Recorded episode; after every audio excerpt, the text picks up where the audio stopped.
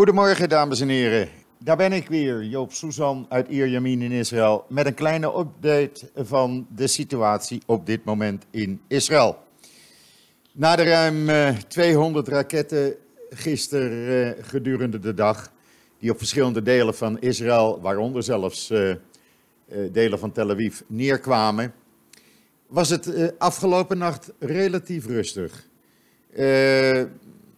Gedurende een uur of zes is er geen uh, enkele raket uh, op Israël neergekomen. Tot zes uur vanmorgen onze tijd, vijf uur in Nederland.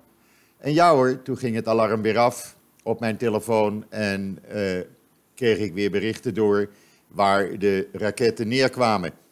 Het opvallende was dat een van de eerste barrages richting Israël niet op de grensplaatsen was, maar richting Latroen en Bet eh, halverwege de weg, zeg maar, Tel Aviv naar Jeruzalem. Mogelijk dat ze probeerden om uh, het luchtverkeer stil te leggen. Nou, dat is niet gebeurd. Ik heb wel gemerkt in de afgelopen uren dat er veel vluchten uh, over, ja, waar ik woon, bij zuidelijk van Natanja heen gingen naar het vliegveld in plaats van uh, over Tel Aviv. Dus men heeft de vluchten iets noordelijker laten uh, lopen om dan met een grote boog uh, te draaien. dat wordt gedaan uit veiligheidsoverwegingen. Het vliegveld functioneert normaal, alles functioneert normaal. Het enige wat niet functioneert zijn dat er een heleboel scholen, zeg maar ruwweg in het gebied tussen zuidelijk van Tel Aviv en de grens met Gaza en natuurlijk in de plaatsen rond Gaza-grens. Uh, scholen zijn gesloten uit veiligheidsoverwegingen.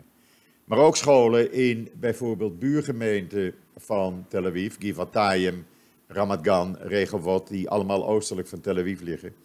Die hebben uit veiligheidsoverwegingen besloten om geen uh, uh, scholen open te doen vandaag. ja, het is een veiligheidsmaatregel en je kan maar beter uh, voorkomen dan genezen. In ieder geval, de laatste uren vallen er regelmatig raketten neer uh, in de plaatsen rond uh, Gaza-grens. daarnaast ook in Asdod, Ashkelon.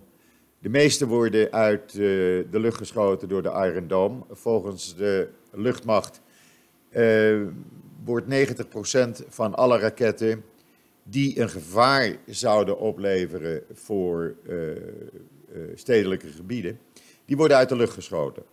Raketten waarvan men weet, uh, omdat men het spoor kan uitrekenen, waarvan men weet, die komen in onbewoonde gebieden terecht, die laat men gewoon neerkomen. Want elke Iron Dome raket kost toch 50.000 dollar. En er zijn er gisteren tientallen, echt tientallen gebruikt. Uh, ja, en wat gaat er dan nog meer gebeuren? Nou, er zijn geruchten in Israël dat de IDF uh, uh, bezig is om een grote actie tegen deze terroristen uit Gaza te gaan opstarten. er zijn ja, diverse lanceereenheden die die raketten richting Israël sturen. Die zijn al naar de andere wereld geholpen, om het zo maar te zeggen. Uh, men doet geen waarschuwing meer zodra men merkt dat er weer een groepje mannen, terroristen, bezig is om raketten te prepareren om ze af te schieten vanuit Gaza naar Israël. Dan worden die meteen aangevallen door drones en uh, F-16's. Uh, Hezbollah die houdt zich uh, rustig, die heeft zijn handen vol aan de onrust in Libanon zelf. Waar één demonstrant door een soldaat is neergeschoten.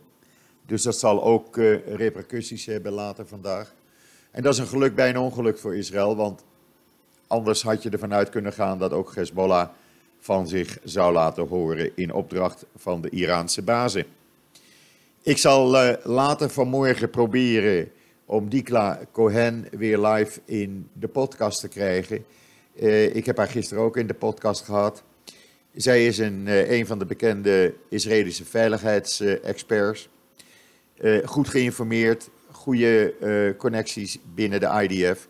En hopelijk kan zij ons later vanmorgen meer uitleggen over wat we mogen verwachten en hoe de situatie zich zal gaan ontwikkelen. Dit was het even voor vandaag, of voor, voor nu. Later vanmorgen kom ik dus met Dikla Cohen bij u terug. En mocht daar aanleiding toe zijn, natuurlijk eerder. En sowieso later vandaag in de middag de reguliere podcast. Uh, ik zou zeggen, tot strakjes.